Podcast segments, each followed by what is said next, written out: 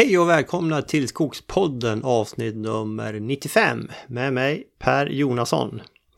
Ja, varmt välkomna till ett nytt eh, avsnitt och en eh, mycket spännande intervju. Eh, jag har träffat en person som kan mycket om skogsbruk. Eh, helt klart. Eh, innan vi hoppar in på intervjun så vill jag presentera min eh, samarbetspartner Föreningen Skogen. Föreningen Skogen ger ju också ut tidningen Skogen och i nästa nummer, eh, som är nummer två och utkommer 27 februari, så är temat jämställdhet. Tidningen tar ett brett grepp på frågan och gör många nedslag i branschen och på utbildningar. Bland annat lyfts frågan varför upplever många att jämställdheten blivit bättre i skogssektorn medan studier och siffror pekar i en annan riktning? Ja, det här eh, tycker jag man ska läsa om och eh, om ni inte har tidningen idag, gå in på skogen.se så kan ni läsa hur man blir medlem och hur man prenumererar på tidningen. Eh, jag vill också nämna att Skogspoddens sårör finns till försäljning. Vi, mycket av vår föryngring sker ju med sådd och då använder vi ju förstås eh, Skogspoddens sårör. Och en kul nyhet där är att numera kan man köpa såröret på Skogma. Så gå in på skogma.se och sök på Skogspoddens sårör så finns det där finns även lite bilder eh, och eh, en film på hur det fungerar och man kan läsa lite mera där. Jättekul tycker jag att eh, samarbeta med Skogma så gå in och kika där så hittar ni såröret. Och det är ju dags att börja planera vårens sådd. Eh, ja men bra, då tycker jag vi hoppar in på intervjun då. Jag har ju alltså träffat Göran Örlander. Och Eh, ja, det finns ju få personer som kan så mycket om eh, både praktiskt skogsbruk och det teoretiska ifrån akademin då. Och eh, ja, jag tycker det blev jätteintressant att prata med honom och jag, jag lärde mig en hel del av samtalet. Och det är just det, vi, temat var ju lite granna askåterföring. Och bakgrunden Eh, Eh, för ett par veckor sedan som jag nämnde när jag pratade med, med Göran så besökte jag Värtaverken då och eh, vi fick en, en rundvandring där, mycket intressant. Där eldar man ju sedan ett par år tillbaka enbart med grot. Man gör alltså av med nästan en miljon ton grot per år, alltså det är ju enorma mängder. Tidigare så eldade man med, med kol då och det har man slutat med nu då. Det här är ju för eh, fjärrvärmen då i Stockholm eh, som eh, det här används till framförallt. Och ja, då kom ju frågan upp, vad gör man med askan då? Så askåterföring kom upp på, på, på tapeten där. Och, ja, då tänkte jag jag skulle vilja, intressant att hör, prata med någon som, som kan det här. Själv har jag då inga kunskaper alls om askåterföring egentligen. Men där hjälpte eh, Göran till och eh, räta ut en del eh, frågetecken. Besöket på Värtaverken var också intressant för vi fick se man håller på att bygga en pilotanläggning för att fånga in koldioxiden ifrån förbränningen. Den är inte klar än då men man har kommit ganska långt. Och tanken är man ska ju bygga klart pilotanläggningen, provköra den och sen ska man bygga en fullskalig anläggning då. Och där planen är att den ska vara klar 2026 och då ska man fånga in då, ja det mesta av koldioxiden från förbränningen. Och sen ska man ju kunna ja, leda, förvara den här sen då i berggrunden någonstans då på, på så vis eh, ja, ta bort den ur atmosfärens omlopp helt enkelt. Det här är ju väldigt spännande och eh, Stockholm Exergi satsar ju mycket på det här då. Man, eh, man skulle investera 7 miljarder kronor per år nu de närmaste åren för att jobba med det här då. Så ja, det blir jätte, jätteintressant att eh, följa den här eh, utvecklingen naturligtvis. Kan ju kika mera på, de, det står ganska mycket om det på deras hemsida. Men nu tycker jag vi hoppar över på intervjun med Göran och den uh, kommer här. Göran Ölander, välkommen till Skogspodden. Mm, tack så mycket. Du har ju varit med förut här. Vi hade ju höstexkursionen 2019 som Södra arrangerade eh, tillsammans med Föreningen Skogen. Och då, vi var ju på din gård bland annat. Ja, det stämmer precis det. Det var, nej, det var en väldigt trevlig tillställning tycker jag. Ja, mycket lyckat och vi fick ju en pratstund med dig där också. Men för de lyssnare som inte känner till dig, kan du börja med att berätta lite om dig själv och din bakgrund? Mm, men det kan jag göra. Jag har, eh, alltså, min bakgrund är ju eh, från akademin från början så att eh, jag har ju hållit på med forskning och utbildning i ganska många år. Så att jag har ju då, det är ju den klassiska akademiska karriären då. Jag är jägmästare i botten, eh, skoglig doktor, docent och så blev jag ju professor så småningom då. Eh, och eh, det som var kanske lite ovanligt där då, det är att eh, jag hade ju en professur på det som är Linnéuniversitetet idag, alltså som hette Växjö universitet på den tiden. Eh, sen har jag gjort lite utflykter. Jag har varit på Skogsstyrelsen under en period, eh, två och ett halvt år som skogsskötselchef. Eh, och då eh, hanterar jag ju liksom den legala sidan utav skogsskötseln då. Men eh, sen då från eh, ja, 2003 så man kan säga, jag bytte karriär och började jobba på Södra Skogsägarna och eh, blev ju då skogsskötselchef eller skogsvårdschef där. Mm. Och sen har jag jobbat då de sista åren, jag är pensionär nu då, faktiskt fullt ut från första januari i år här, så jobbar jag också med näringspolitik. Just det. Mm. Ni hade ju en podd också på Södra. Jajamän, så att eh, det var ju Mats Blomberg och Marcus och jag som hade den. Sen, eh, ja, Mats eh, gick i pension och jag också. Sen, sen eh, ja, den fick en annan utformning helt enkelt, den här podden då, efter det. Just det. Just det. Jag kan säga det också att jag är, jag är skogsägare, det har ju vi nämnt redan då. Så att jag är liksom en mäkta intresserad skogsägare. Så jag, jag ägnar så mycket tid jag bara kan i, i den egna skogen också. Ja. Vad, mm. vad, vad har du berättat om din skog? Hur, vad är det för typ av skog och hur, hur stort är det? Eh, vi, har, vi har ju vår skog precis mitt i Småland. Och det är, eh, det är en jättetrevlig fastighet. Den är, eh, alltså det, vi har en väldigt stor höjdskillnad på gården. Det är nästan 100 meter. Så att vi, den går ner mot en sjö som heter Rusken. Mm. Och den ligger på 180 meter över havet. Och det är det är ju högland här, va? men det är, det är ju väldigt goda eh, förutsättningar. Så att vi kan ha ädellöv eh, i sluttningarna ner mot sjön.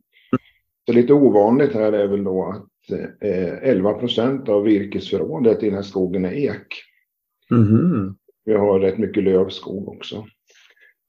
Sen, eh, ja, som många andra så blev vi hårt drabbade av Gudrun stormen. Ja. Att, eh, vi har ju, det är ju rätt mycket som handlar om ja, återbeskogning och ja, så efter, efter Gudrun. Då.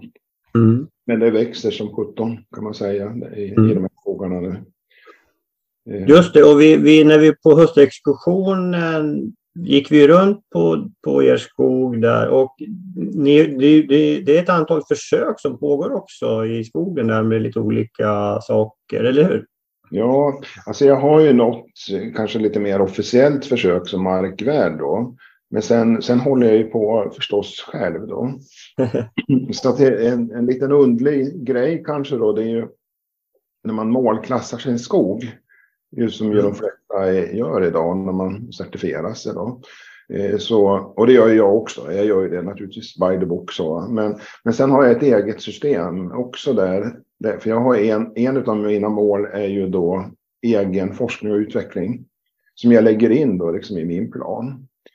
Och sen har jag en som är, handlar mer om estetik då. Och så försöker jag optimera utifrån produktion, eh, miljövärden, mina egna forskningsintressen och de här estetiska värdena. Så det, det är ju lite underligt, men det, det, är min egen lilla utveckling här. Mm. Estetiskt. Istället, istället för att säga att det är på det stället och det är på det stället så försöker jag ju då optimera det här tillsammans och så räknar jag poäng och så försöker jag få så mycket poäng som möjligt. Aha. Är det både forskning och produktion så blir det två poäng. Och är det bara produktion blir det en poäng. Och ibland så kan man ju faktiskt få ihop eh, tre poäng också. Då. Och, då, och det, här, det här stämmer tror jag. Jag har försökt lansera det. Jag tror det stämmer rätt bra med hur många markägare tänker. Man, man, man gör ju ofta flera saker på samma ställe. Och tänker i flera dimensioner så. Ja. Så att eh, det är väl det är ett idémässigt bidrag som jag har här. Intressant. Ja. Och du, du nämnde det här med estetiska värden i skogen ja. också. Kan, hur, hur, eh, berätta mer om det. Vi har, vi har bland annat haft ett, ett projekt här som vi kallar för Vackrare väg. Som, eh, alltså, vi, vi ligger ju högt över då sjöytan. Vi har ju, vi har ju närmast norrländsk eh, utsikt här. Va? Vi ser ganska många mil bort faktiskt. Och då, då, då gäller det att försöka vårda de här utsikterna så att man, ja, men, vi själva och de som reser förbi ser det. Och sen har vi gärna lövskog då i, där det är liksom. Ja. miljöer. Eh, så att det, det, det, det är liksom en, ett sätt. Just det. Du, du vill inte ha någon liksom tät granskog precis liksom vid vägen? Nej. Sen har vi en lång sjöstrand då som, som eh, jag sköter då, så att, att man även då kan se, ja. se sjön då när man kommer i närheten. Sen har mm. vi då hagmarker, då, gamla hagmarker som vi vårdar och försöker då, ja, hålla öppna och ja, det är ju liksom ingen ekonomi i det. Va? Men, men eh, de, vi själva tycker det här är oerhört vackert och de som kommer förbi tycker det också. Ja. Mm. Så att det, men jag, jag, jag, jag, jag tycker det är viktigt. Och som boende här så tycker jag då, då höjer man ju liksom livskvaliteten. Ja. Eh, sen andra änden av det, det är ju att jag måste få ett kassaflöde på, på gården. Så att eh, de områden som, som vi driver då skogsproduktion på, då vill jag ju ha eh, hög, hög värdeproduktion. Ja. ja. Att, att det verkligen ger någonting, för annars har man ju inte råd att hålla på så här. Va? Nej. Ja, så, så, så, tänker jag. Ja, kul. Och du sa att du hade försökt att lansera det här lite grann. Hur, hur, eh, på vilket sätt då? Hur, hur kan man läsa mer om de här poängsystemen och hur du tänker? Ja, vi, vi skrev, eh, för, ja, Skogen var här och hade ett reportage och då, då skrev, skrev de, så det finns en sida i, ja, det är ett antal år sedan. Där, ja, ja. där de beskrev det där och då sa jag, nej men skogsbruket är inte redo för att, att resonera i de här banorna då. Och, eh, men men eh, kanske någon gång. Ja, nej men det är alltså... Jag... Det, är ju, det är så cementerad, idag är ju så skogsdebatten så cementerad liksom så att eh, det är lite svårt med eh, att komma med utvecklingsidéer tycker jag. Mm. Nej, men mycket av det du säger, jag känner ju igen en del ifrån eh, min far Bosse. Han, eh, lite liknande resonemang har jag hört från honom. Och det, ja. Mm. Ja. Intressant.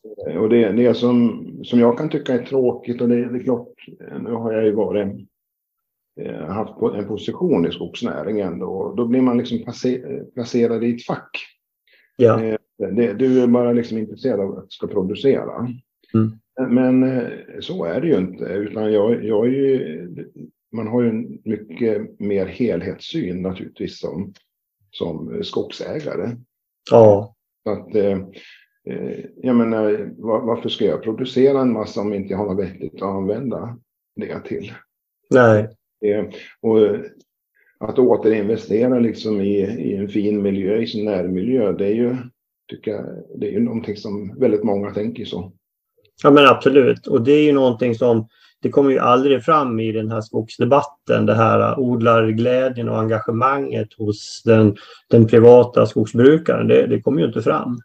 Nej, jag ser ju bara här i byn liksom hur mycket som läggs ner. Va? Liksom, ja, idéer mm. kan man säga när man håller ja, betesmarker öppna och fixar. Ja, ja. absolut. Det, det är lite spännande. Mm. Hur, hur, mycket tid lägger du i, i skogen själv då? Det enkla svaret är mindre än vad jag skulle vilja. Men eh, vad ska vi säga, en, ett, ett bra år så, så plockar jag ut eh, min egen ved, eh, mitt eget vedbehov då, som är väl kanske 30-40 eh, MTSK. Va? Och sen förra året så körde jag väl ut en 100-120 kubik kanske eller någonting då. Eh, och det är rätt mycket ja, gallring, eh, vindfällen, barkborre, eh, träd, liksom specialgrejer då. Ja. Nej, men alltså jag är ju ute eh, ett par dagar i veckan. Ja, ja imponerande. För du, du nämnde att du hade gått i pension nu, mm. Du har kanske inte varit lika synlig i skogsdebatten senaste året har jag märkt. Nej, det, det, har jag inte varit. Men vi, vi får väl se. Det, jag är inte slut än. Nej, jag, jag, jag, tycker nog att det är en röst som man saknar. För dina, ja. dina inlägg och, och diskussion, ja, men det har varit väldigt bra tycker jag. Du har liksom tagit upp de här uh, ja, frågorna som, som många inte kan göra riktigt eller törs göra. Jag menar, det är, det är viltbete, det är äganderätt och det är en massa andra frågor som, som är högt på agendan. Och, ja. Vi får väl se. Jag kanske eh, återkommer. Jag, jag, jag, kan säga att jag tröttnade lite grann för att jag försökte hålla en, en, en linje med att plocka in eh, fakta i debatten och så. Det, ja, jag tycker det, det har inte funkat riktigt, i, i alla fall inte i det här Twitter-formatet. Så det, försöka komma på något annat sätt helt enkelt. Mm. Mm. Jaha, eh, men eh, Göran, det jag, jag tänkte fråga dig om en, en speciell grej här idag och det är det här med askåterföring. Ja. Eh, ganska nyligen var, besökte jag Värtaverken i Stockholm eh, tillsammans med eh, Ladviks skogsklubb och Föreningen Skogen. Ja. Och där eldar man ju med grot numera. Ja. Man eldar alltså ungefär knappt en miljon ton om året. För att, det här är ju för fjärrvärme i Stockholm då. Ja. Och eh, eldar man så mycket då, då blir ju mycket aska också naturligtvis. Och så då kommer upp en diskussion om det här med kan man använda askan i skogen? Och eh, eh, jag började fråga runt lite, vem, vem kan mycket om det här med askåterföring? För själv eh, har jag väldigt dålig kunskap om det. Och då fick jag tips eh, om att du kan mycket om det här. Så vad, askåterföring, vad, vad är det för något?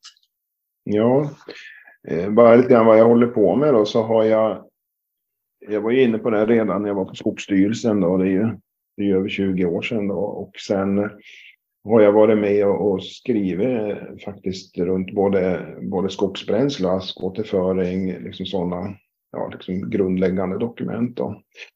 Eh, nej, men alltså det är ju så att i, i, i, i veden eller groten så, så finns ju en massa näringsämnen. Alltså det som träden tar upp, eh, det, det fastnar ju i, i, ganska lite i stammen, mindre i stammen, men mycket i barren och lite mittemellan i grenarna. Då. Mm, okay. Och, och eh, i princip är det ju då samma proportioner som, som de behöver. Ibland kan man få lite mer av något ämne, men i stort sett så är det så. Eh, och sen när man bränner det här, då, då går ja, det viktiga kvävet, det, det går bort, för det blir, det blir ju gaset av det, kväveoxider då. Men eh, alla de här basiska jonerna då, om vi tar kalcium, kalium, magnesium och mikronäringsämnen, de faller ut i, i askan. Det är det som är askan. Mm. När det är då det är rätt mycket kisel i det här också. Som är, det, är ju, det är väl kanske inget näringsämne då. Eh, men, men det, ligger, det, det, det finns mycket eh, bra ämnen så att säga i askan. Då.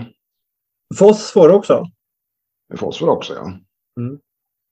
Eh, så att om vi kan gå in i, mer i detaljer där, det, det är då viktigt att, de här, att man känner till de här källorna så att man, när man tar grot då kommer det från skogen och då, då finns det inga konstiga, som regel inga konstiga ämnen i, i den här askan. Det finns en del undantag om, om det är aska som kommer från där det var mycket nedfall av cesium, eh, det här Tjernobyl. Det, ja. Sån aska ska man ju inte återan eller föra ut då. Eh, och, även, och sen är det ju om, om man har bränt ja, returavfall och sånt där. För då kan det finnas tungmetaller eh, i det. Mm. Eh, så att, men men man, man, man mäter upp det där och det finns ju tydliga gränsvärden då. Vad, vad det får innehålla. För det är ju det är meningen att det ska vara näringsåterföring. Man ska inte återföra ämnen som är, som är skadliga då. Det, det, man uppnår då det är ju en gödslingseffekt helt enkelt då. Eh, plus att det här eh, kalken även kalium och magnesium är ju, är ju basiska så att man får ju då en, en effekt på pH. Man höjer pH-värdet. Mm. Och det där är lite intressant för att tillväxten i sig eh, sänker ju pH-värdet lite grann. Så att då motverkar man det när man, när man får askan. Då. Ja. Mm. ja. Men hur pass, eh, hur pass vanligt, alltså funkar det på alla marker? Funkar det i hela Sverige? Eh, man kan säga så här att om man tittar på eh, när, för man tar ju bort näringen. Man måste koppla ihop det här då med uttag av framförallt av groten då. Mm. Som jag var inne innan, det, det är ganska lite näringsämnen i stammen så att om man tar ut bara stamved då får man liksom inte eh, näringsbrister. Eh, men bör man ta ut mera, dels blir det större volymer då, men också mera innehåll då. Så att eh, där man, där man tar ut grot kan man börja fundera på det här. Det, är, det är liksom grundgrejen då. Ja. Eh, ja, nej men sen, sen är det då, det finns ju lite effekter av det här och då är det för skogsägarna en, en viktig effekt då, det är ju vad händer med skogsproduktionen förstås. Ja. Och då är det så att Kväve är ju som ju du vet det absolut viktigaste eh, bristämnet då. Och det finns inget kväve med i askan. Och det innebär att eh, har man då kväve, underskott på kväve, då får man liksom ingen effekt av det här. Nej. Den effekt man får då är att man säkrar eh, ja, tillgången av, av fosfor, kalium, magnesium på lång sikt. Då. Men mm. är man lite bättre mark, om man är, är här nere i södra Sverige på bättre boniteter. Mm. Vi brukar säga G28 och bättre. Eh, då, det försökerna säger då, det finns en hel del eh, försök, gamla försök på det här, det är att man kan få en, en tillväxteffekt. Och den är då ja, typ 5 till 10 procent kanske. Eh, sen är det då eh, det som är intressant då är att det jämfört med om man kvävegödslar så är det lite längre varaktighet på det här. Så att när man, om man då har en, en ask återföring och så om man då tänker i 20 års perspektiv, kanske lite, ännu lite längre, så, så kan det, eh, vi tror i alla fall det, att det ger då ungefär samma effekt som en, en kvävegödsling på den typen av mark. Då. Mm. Kvävegödslingen får du ut snabbare. Det blir mycket, mm. För den effekten har man kanske på fem eller sju år. Då. Mm. Så att eh, det, det, är, nej men det jag skulle säga att det här är en bra åtgärd egentligen överallt. Men den är ju då för markägarna väldigt bra på, på lite bättre boniteter. Ja, för jag hörde någon nämnde att det är liksom framförallt alltså Götaland och södra Svealand där det liksom är effektivt. Och, och, då är det, det skulle då vara på grund av att det kanske är lite bördigare marker och att, att det finns mera kväve då tillgängligt. Ja, plus då, man måste ju också titta på eh, kväve, eh, hur mycket det faktiskt finns i marken då och även då hur mycket som tillförs genom nedfall.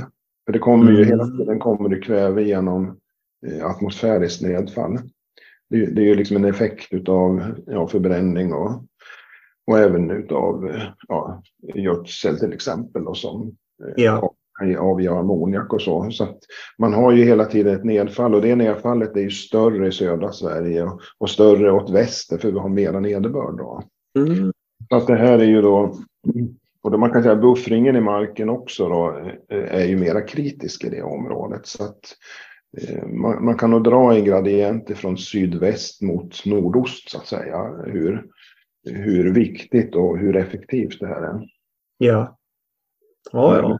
Men eh, alltså bättre, bättre mark i Götaland eh, och ja, upp till Norrlandsgränsen ska jag säga är det, kan man ju då förvänta sig. Mm. Eh, förutom att man har den här långsiktiga effekten och att man får eh, förmodligen då en, en viss positiv effekt på tillväxten. Även på, på den korta sikten som för mig är 20 år. Då. Ja. Hur pass vanligt är det här då, med askåterföring? Eh, alltså, jag kan ju södra siffrorna då rätt bra. Det, det, det askåterförs ett par tusen hektar per år eh, i södra regi. Eh, sen finns det andra, eh, andra som, som askåterför eh, också. Eh, även skogsföretag, Sveaskog har en del till exempel. Och, Eh, exakt den siff totala siffran vet jag inte, men det, det handlar ju om, eh, det är ju ganska många tusen hektar per år i alla fall. Mm. Eh, så att eh, det, det, finns ett intresse från skogsägarna, så att det är ju, det handlar ju både om att få tag på bra askor då och även eh, få tag på bra eh, entreprenörer som, mm. som köra ut det här då. Men ett par tusen, om du tittar på hela Södras hela medlemsbas, det är ändå ganska liten andel totalt sett. Eller? Ja. Jo, nej men alltså det, det sprids ju inte aska på... Alltså det, det, det, finns potentiellt större arealer att ta här då. Och eh, eh vi får se, det, det, är en, det är en växande åtgärd då som... Eh, man kan säga också det, det gäller alltså att få tag på bra askor då. Ja. Och de ska vara rena eh, och fylla alla, alla krav. Då. Och, eh, eh, en annan grej som då har gjorts inom Södra det är att utveckla att man tar hand om asker som kom, faller ut i industrin. Mm. Att, eh, det är ju också så när man, även när det kommer in i ett, i ett massabruk, så blir det en aska utav det. Aha. För det, jag menar, det finns ingen aska i pappret va, eller i massan, utan allt det där faller ut. Så när man bränner den här svartluten i en sodapanna så faller det ut. Då. Eh, mm. Eh, ja, man kan kalla det för sodapannaaska. Då. Det, det har ett väldigt fult namn i industrin. Kanske för, eh, det är just, ja, det är svartlut man, man bränner där och sen är det Eh, vad sjutton heter det nu då? Nu, nu tappar jag bort det namnet. men, men, det, är, det, är, ja, men det är i alla fall en aska som, som faller ut där. Ja, just det. Använder du själv askåterföring i, i, i er skog? Eh, ja, nej, men alltså jag var ju med och startade det här då med, med just den, den här varianten då som, som kommer från industrin. Jag ska säga det också, där man blandar då det som kommer ut från sodapannan Eh, med eh, aska som kommer då kanske från ett värmeverk. För att man, det här ska ju härda så att det blir, eh, när man sprider det så ska det ju vara, det ska ju vara mjukt eller lite finkornigt sådär så att det inte det skadar träden när man, när man sprider det. Eh, men det ska ändå vara härdat så att inte man får en väldigt... Om, om du bara tar din aska ifrån vedpannan och slänger ut, då blir det ju väldigt reaktivt. Då, så att, att man härdar eh, det här först. Då. Men, men när... Vad innebär det att den härdas? Är det att den ska stabilisera sig? Ja, precis. Och det gör det, det, gör det naturligt om eh, askan, om, om, man, om det får ligga eh, bara, det, man fuktar det lite grann och så får det ligga. Eh, det blir, ja, som, vad ska man säga, som en process som liknar när man gör glas eller någonting då. Som, som gör då att eh, de här näringsämnena de binds eh, kemiskt då i det här, det som kallas för härdad aska. Ja. Och, det, och det här kan ju naturligtvis bli för härdat om man gör den här eh, fel också. Då kommer man inte få, då kommer det ta väldigt lång tid innan de frigörs. Så det gäller att balansera det där. Så det, det är lite trixigt att göra det. Ja. Eh, och eh, Nej, men eh, då när det här drog igång så, så ville jag ju naturligtvis att det skulle spridas här på min egen fastighet. Så att då, då, då spred vi på det som var lämpligt här då. Ja. Och det är ju det, det som är ju primärt. Det är klart att då vill man ju gärna gå på de här G28 bättre. Och sen är det då eh, allra bäst är ju det här i gallringsskog ska jag säga då. För då, eh, där får man ju då en, en säkrare produktionseffekt då, för då, får man det ju direkt på kubikmetrarna. Mm. Man sprider det på hyggen eller plantskog så får man en, en lite snabbare tillväxt i, i plantorna då. Men, men det blir ju, då är man mycket längre ifrån skörden. Då. Ja. Och det gör, det gör ingenting heller för man har den långsamma eh, effekten då. Så om, om man lägger det i gallringsskog eller ja, inte, inte precis vid slutavverkning men lite innan så, så har man ju den här effekten. Eh, kompensationseffekten ligger ju där ändå. Då. Ja. Så att, eh, vi, vi körde på ganska mycket areal här, så det var rejäla högar med aska och jag hade en jätteduktig entreprenör som ja. åt mig. Hur, hur eh, sprider man ut det då på, på ett bra sätt? Eh, som, som man gör idag så liknar det ju till 100 procent kan jag säga som man sprider vanligt gödsel. Så det är en skotare eh, med, ja, man har, man har en, en behållare på skotaren och så sen är det ett spridningsaggregat så att det Just det. sån här centrifugal Ja. fläkt som sprider ut och så kör man på stickvägarna. Ja. Eh, och då, sen dokumenterar man då precis vad, vad man har varit. Och, eh, det finns rätt mycket restriktioner vad man, vad man kan vara och vad man inte kan vara. Då. Så att, eh, väldigt enkelt så undviker man ju vattenmiljöer. Man undviker ju då eh, ja, där man har höga naturvärden. Eh, Mm.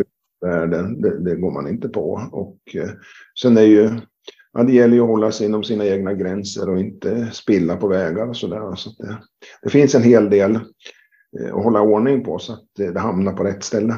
Ja. Jag tänkte, du nämnde i början att man, man, om man plockar ut grotet så då plockar man liksom ut en del av näringsämnena. Ja, Men du sa, du sa att ganska mycket fanns i barren.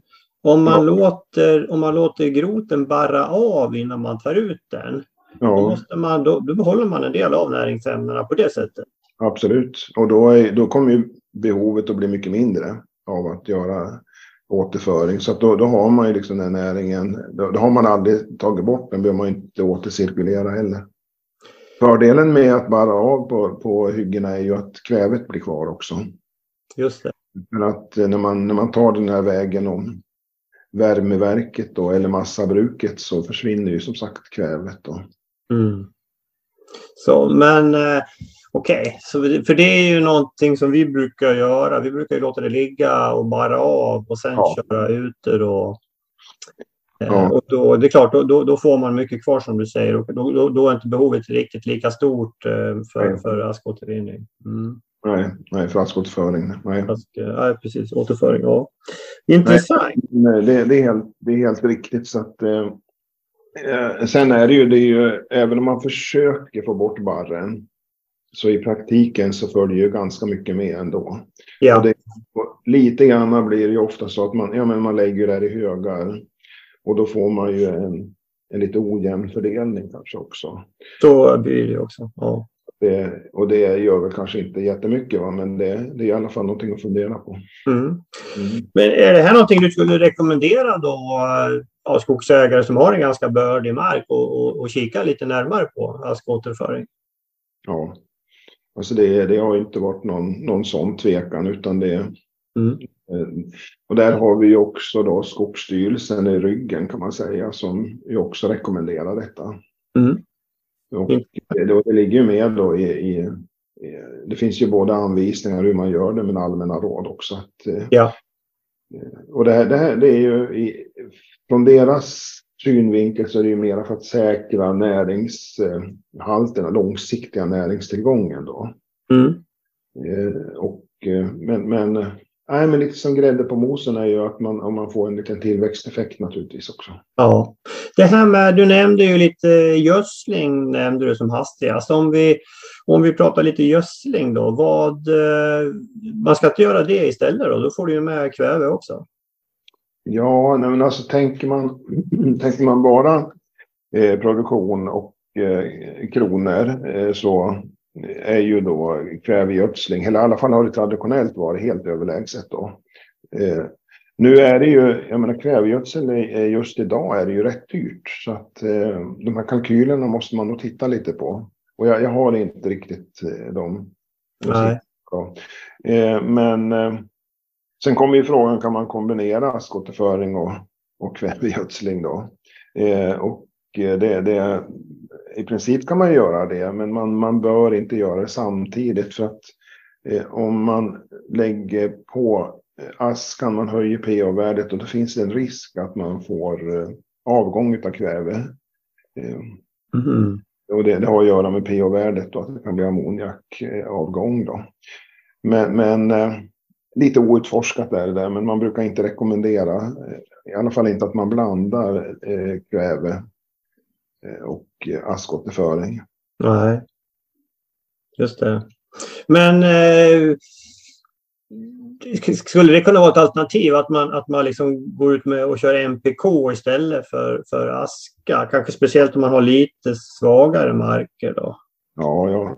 Eh, och det där är ju det, där är en intressant diskussion det där om, om man bara ska lägga på kväve eller om det ska någonting mera. Och som du vet så i, idag så använder man ju eh, kalcium, kommer med, kal, amonsalpeter. Så att eh, det, och det är för att motverka försurning. Men eh, eh, min syn på det hela det är nog att, och det är framförallt om man har lite bättre mark då, att eh, eh, man kanske ska hålla på med fullgödsling. För det, det kan uppstå brister också i, i fosfor och kalium. Och det, mm. finns, det finns ju en del försök som visar då att, eh, att man, man får produktionseffekter av till exempel fosfor. Då. Men, men kvävet är ju liksom det allra nästan alltid det som är brist. Då. Ja. Men, men sen är det, du vet, torvmarker till exempel, där, det lönar det sig inte att lägga på kväve, utan det är ju PK. Det kanske inte är så aktuellt idag, men, men det, det, det har man ju känt till i, i hundra ja. år. Ja, det är, ofta, det är ofta fosfor som är begränsningen, eller kalium? Fosfor och kalium. Just det. Egentligen är, är det nog eh, fullgödsel eller PK och liksom alla, alla ämnen då. Mm. det, kan, det kan bli brister i, i mikronäringsämnen faktiskt också. Okay. Men de stora mängderna är fosfor och kalium. Ja. Är det alltså göds, gödslas det mycket Eh, på, på södras marker? Känner du till det? Ja, nej, men det vet jag. Det är ju, och då är det så här att eh, när det gäller kvävegödsling så finns det då eh, Skogsstyrelsen har ju allmänna råd runt det här och då då avråder man ju då från, från kvävegödsling i, ja, i, på, på nästan all mark i hela Götaland. Eh, man, man säger att det är okej okay med en gödselgiva eh, om man tar ut grot i granskog. Och det där har att göra med balanser då i, med kväve, bortförsel och tillförsel. Så att eh, eh vill man följa de här allmänna råden Eh, vilket man ju måste om man är certifierad. Och så mm. och är det, har man väldigt små möjligheter att, att gödsla faktiskt med kväve. Mm. Ja, och, det, och jag pratar om kväve då. Ja. När det gäller askåterföring, när man lägger på P och K, så då, då är liksom läget nästan det motsatta. Okej, okay. intressant. Mm. Eh, en annan sak som, som jag tänkte på när man pratar gödsling, det är de här Torgny Näsholm på SLU har ju och hans grupp har ju kommit fram med det här arginin, det här Argrow som det heter, eh, alltså en kväveaminosyra eh, på något vis som verkar otroligt effektivt om man, om man tittar på det material som de har tagit fram. Är det, är det här någonting som ni har kikat på inom, inom Södra? Eh, nej, inte, eh, inte i för som sagt så är ju kvävegödsling är ju inte aktuellt eh, då egentligen. Eh, sen vet jag egentligen inte vad Skogsstyrelsen skulle säga om om arginin. Om, det är ju väldigt dyrt, alltså att det är ju alltså det är en kostnadssida på det här som, som man också måste ta hänsyn till. Då. Men när det gäller liksom klassisk skogsmarksgödsling så vad jag känner till så så pågår det inte. Utan det, det här har ju varit i plantskolor och i samband med plantering. Då. Ja. Ja, precis. precis. För där pratar man bara några grams tillförsel, ja. just liksom själva plantans rötter. Ja, och du vet, det blir, det blir ju bara, det blir ju inte mycket då. är det no, no, no, några gram så kanske det blir no, något eller några kilo per hektar. Men, men ska man, man pratar om 150 kilo rent kväve är ju en standardgiva. 150 kilo per hektar. Så ja. det, det handlar om mycket, mycket större mängder då när man ska gödsla bestånd. Då. Ja, ja just det. Men, eh, nej, men jag, jag, kan inte frågan så. Nej. Jag, jag, vet, jag kan inte säga så mycket mer. Nej, nej precis. Oh. Oh, ja, intressant. Ja, nej men eh, vad kan man mer säga då? Är det någonting som vi inte har nämnt när det gäller askåterföring eller gödsling som du tycker man ska ta upp?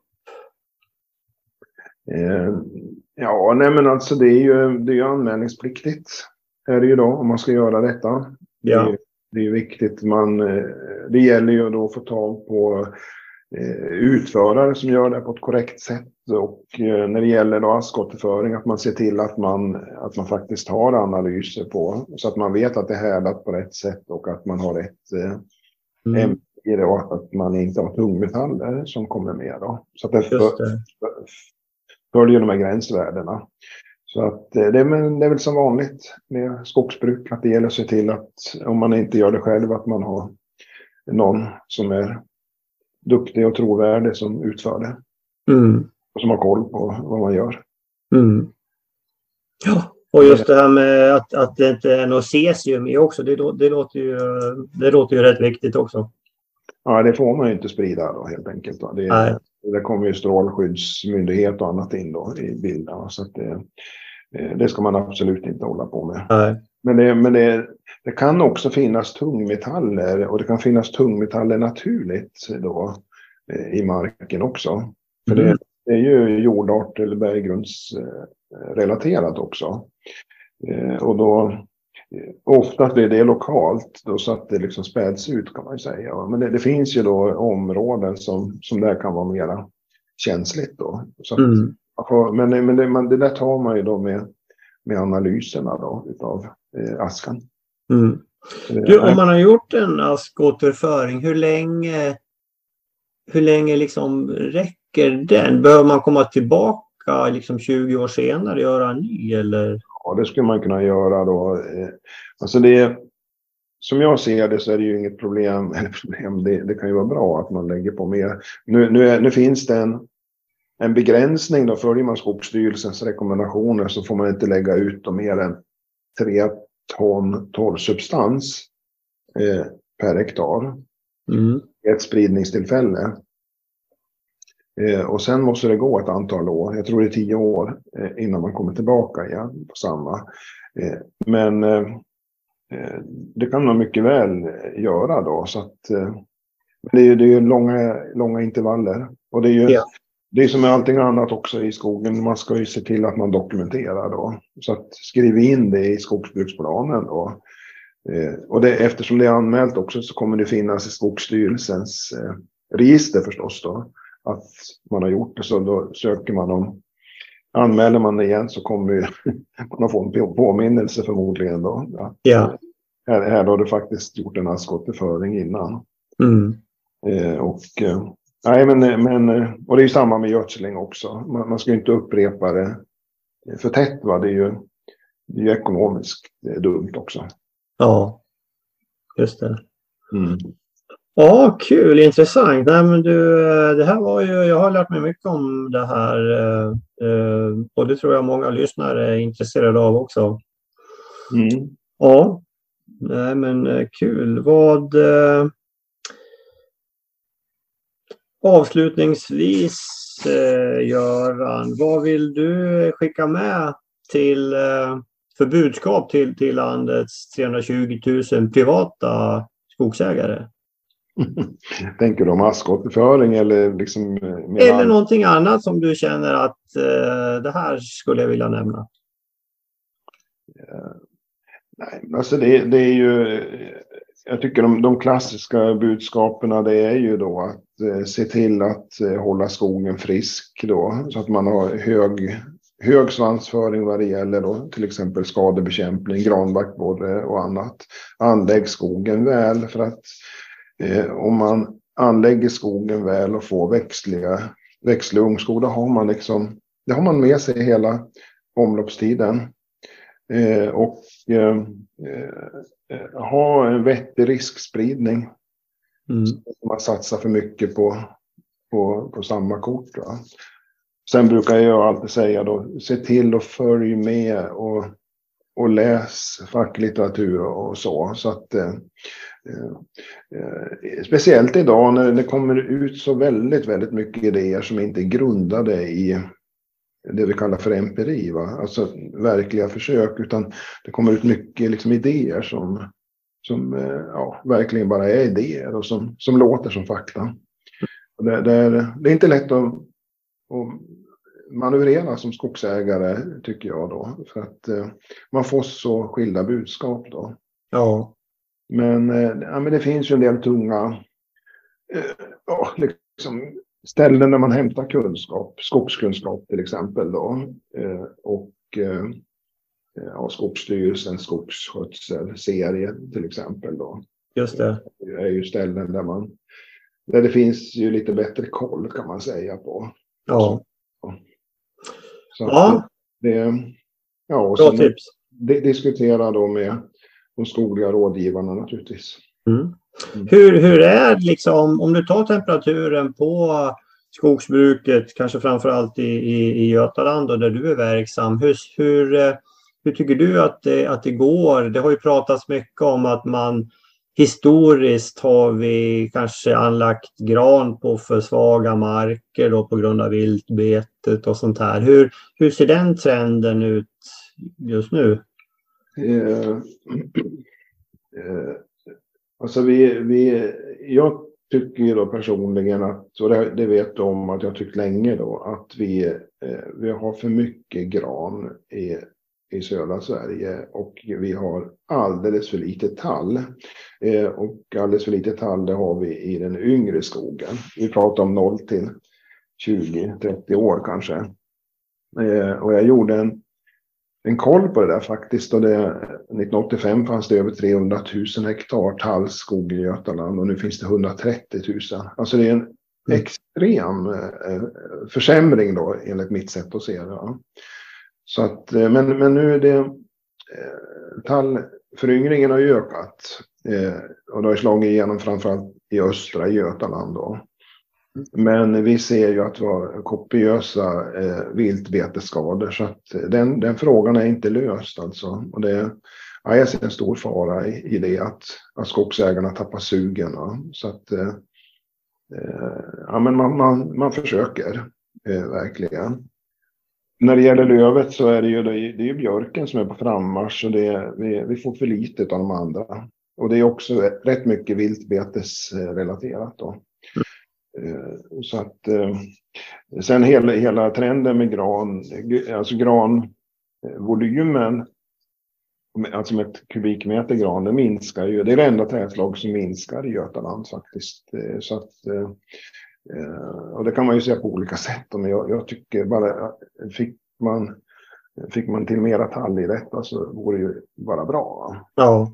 Ja. Jag, jag, vet du nämnde en gång och det var nog på höstexkursionen eh, uppe i, i Norrland. Eh, vi var ju upp där till Lycksele och eh, då, då, då var det mycket eh, diskussion om eh, viltbetet. För där var vi och tittade på några områden som var extremt eh, betade av älg.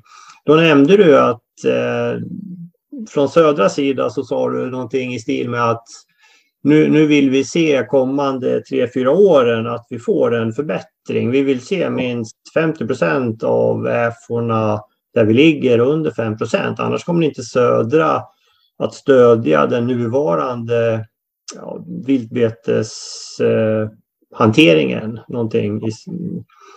Och vi har ju, det har väl kanske gått lite bättre men inte, inte så jättemycket. Nej, eh, och det där det är ju en utvärdering som faktiskt pågår nu så att det, det kommer nog eh, en del eh, eh, från branschen ska jag säga. Där, där, ja. Eh, och det är inte bara Södra då, som är nöjd då, utan. Nej. Och det är. Eh, nej, men jag, jag alltså den, den viltförvaltning som vi har nu, den är ju tycker jag, den är ju teoretiskt korrekt men den levererar inte resultat. Och det, det är ju tråkigt bara. Och, då, eh, och det är ju min egen åsikt då. Eh, att eh, på något vis så må, vi måste få den att fungera bättre eller också måste vi ju skruva på det. Mm. Men, men jag menar att år efter år se att man får eh, sådana kolossala skador som vi har. Det. Mm. Jag kan säga för Södras del så har, har det ju här kraftsamling tallprojektet då som är, handlar mycket om viltbete har ju övergått till en, en permanent satsning. Det är inget projekt längre då, så att eh, det visar väl då eh, att man tar saker på allvar. Då. Ja. Och det, nej ska vi göra en omställning nu med, med klimatförändringar och annat så, så måste det ju vara eh, möjligt va? att, att föryngra eh, ja, tall och, och, och annat. Och annars så, mm. ja, men vad ska man göra som enskild skogsägare? Nej. Man, det, man får ju inget handlingsutrymme då. Nej, nej men visst är det så. Ja, nej men det är ju, vi, vi har ju du känner ju säkert till Ola Andersson norr om Nybro där, eh, Kråksmåla, som har eh, jobbat mycket med viltförvaltningen och har nått eh, väldigt bra resultat nu på sistone ja. också. Ja.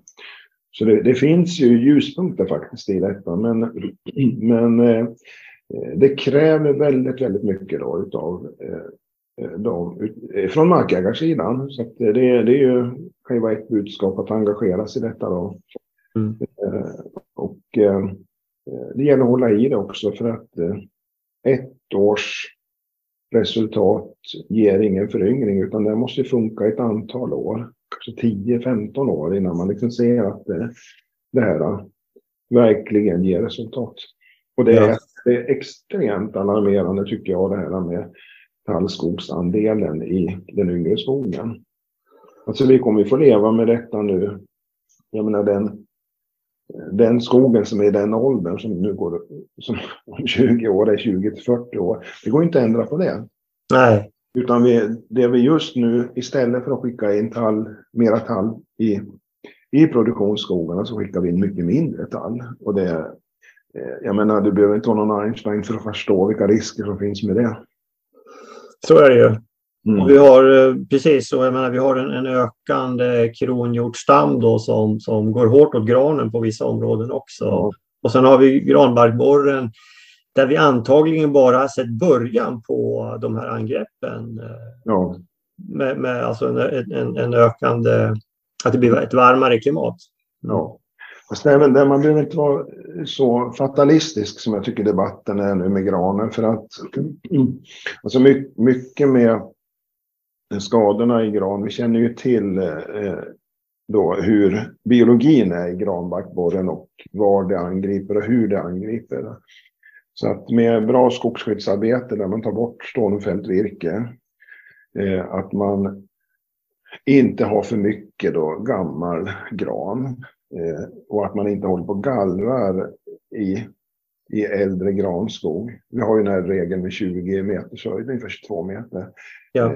Eh, så, och så sen är det hyggeskanter då, så att inte man lägger dem mot eh, mm. granskog som är liksom uppe i kanske 15-20 meter eller högre. Eh, om man bara följer de, de riktlinjerna så, så får man eh, en mycket, mycket bättre kontroll på, på skadenivån. Mm.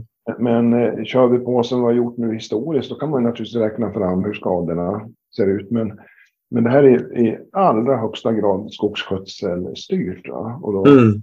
Eh, och man kan inte bara drömma om att vi ska få tall, för det, vi kommer inte få tall. Som jag sa innan så, så det är tvärtom. Va? Utan vi, vi måste lära oss att sköta granen. Så att, eh, mm. Och det, jag menar, rent ekonomiskt så spelar det inte så stor roll om man, om man avverkar granen kanske vid 70 år då, eller någonting istället för 90 år. Eh, Eh, för det, och då minskar man. Dels minskar man ju risken just där, men jag tycker som enskild skogsägare ska man tänka på hur mycket man har. Alltså hur mycket utav mitt innehav står i, är i risk då. Ja. Fundera på, tycker jag det är lämpligt mycket? Eh, och det, och det ska man ju ha, tycker jag. Lite risk, eller ganska mycket risk, bara man vet vad det är. Ja, Att inte man blir förvånad och tycker det är konstigt.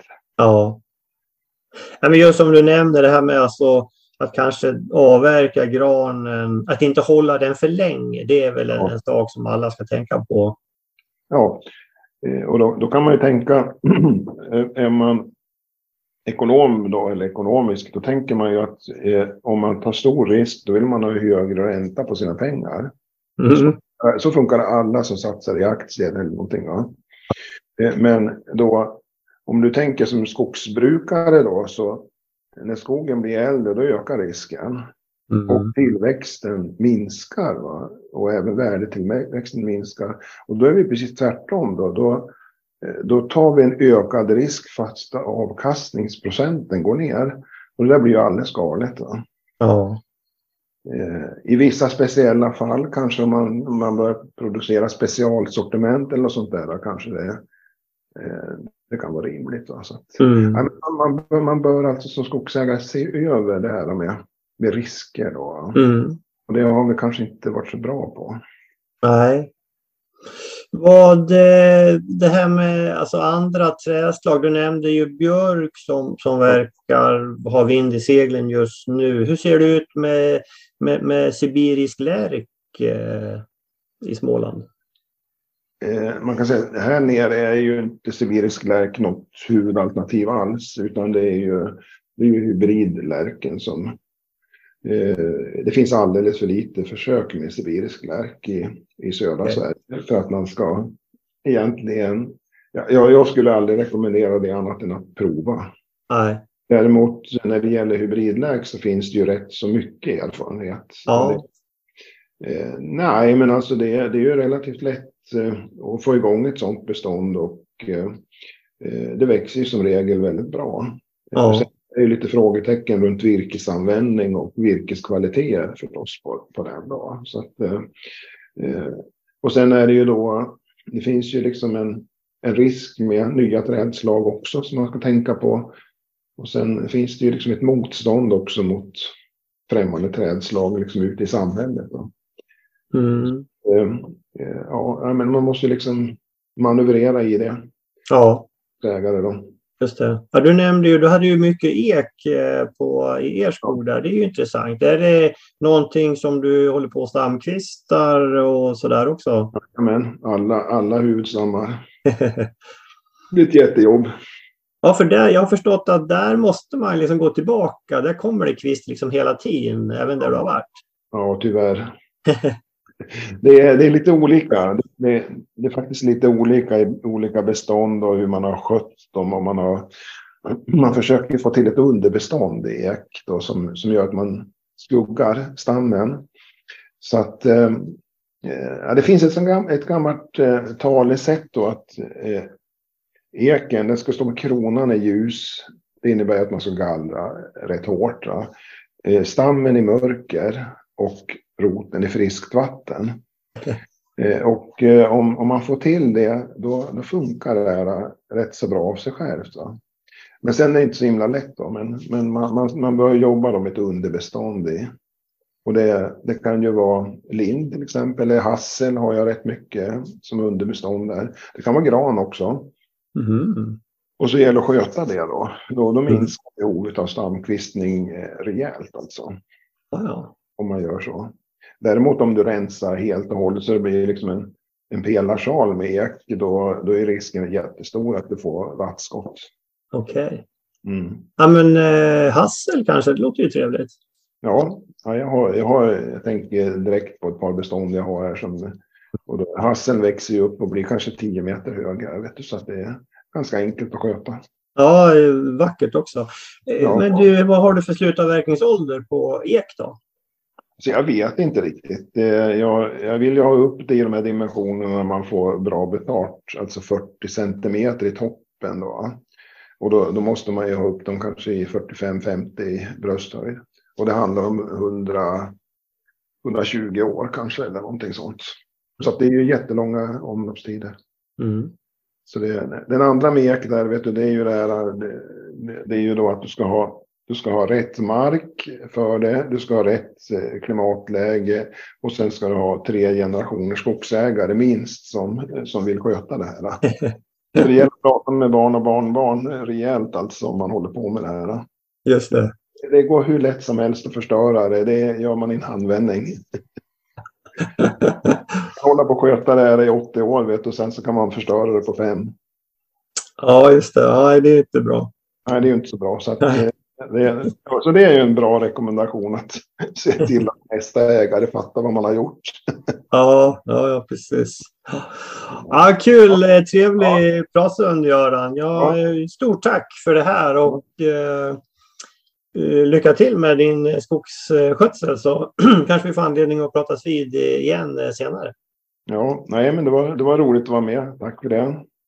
Jättekul och mycket, mycket bra tips här om askåterföring. Det här är många som har frågat efter så ja, det, det tackar vi för. Mm. Tack för det. Ja. Vi hörs. Ja, där hörde vi intervjun med Göran Ölander och ja, som ni hör, han, han kan väldigt mycket. Både det teoretiska men även det praktiska då som man jobbar med i sin egen skog. Ja, jag tyckte det var jätteintressant. Jag lärde mig massor. Hoppas ni också hade utbyte av det.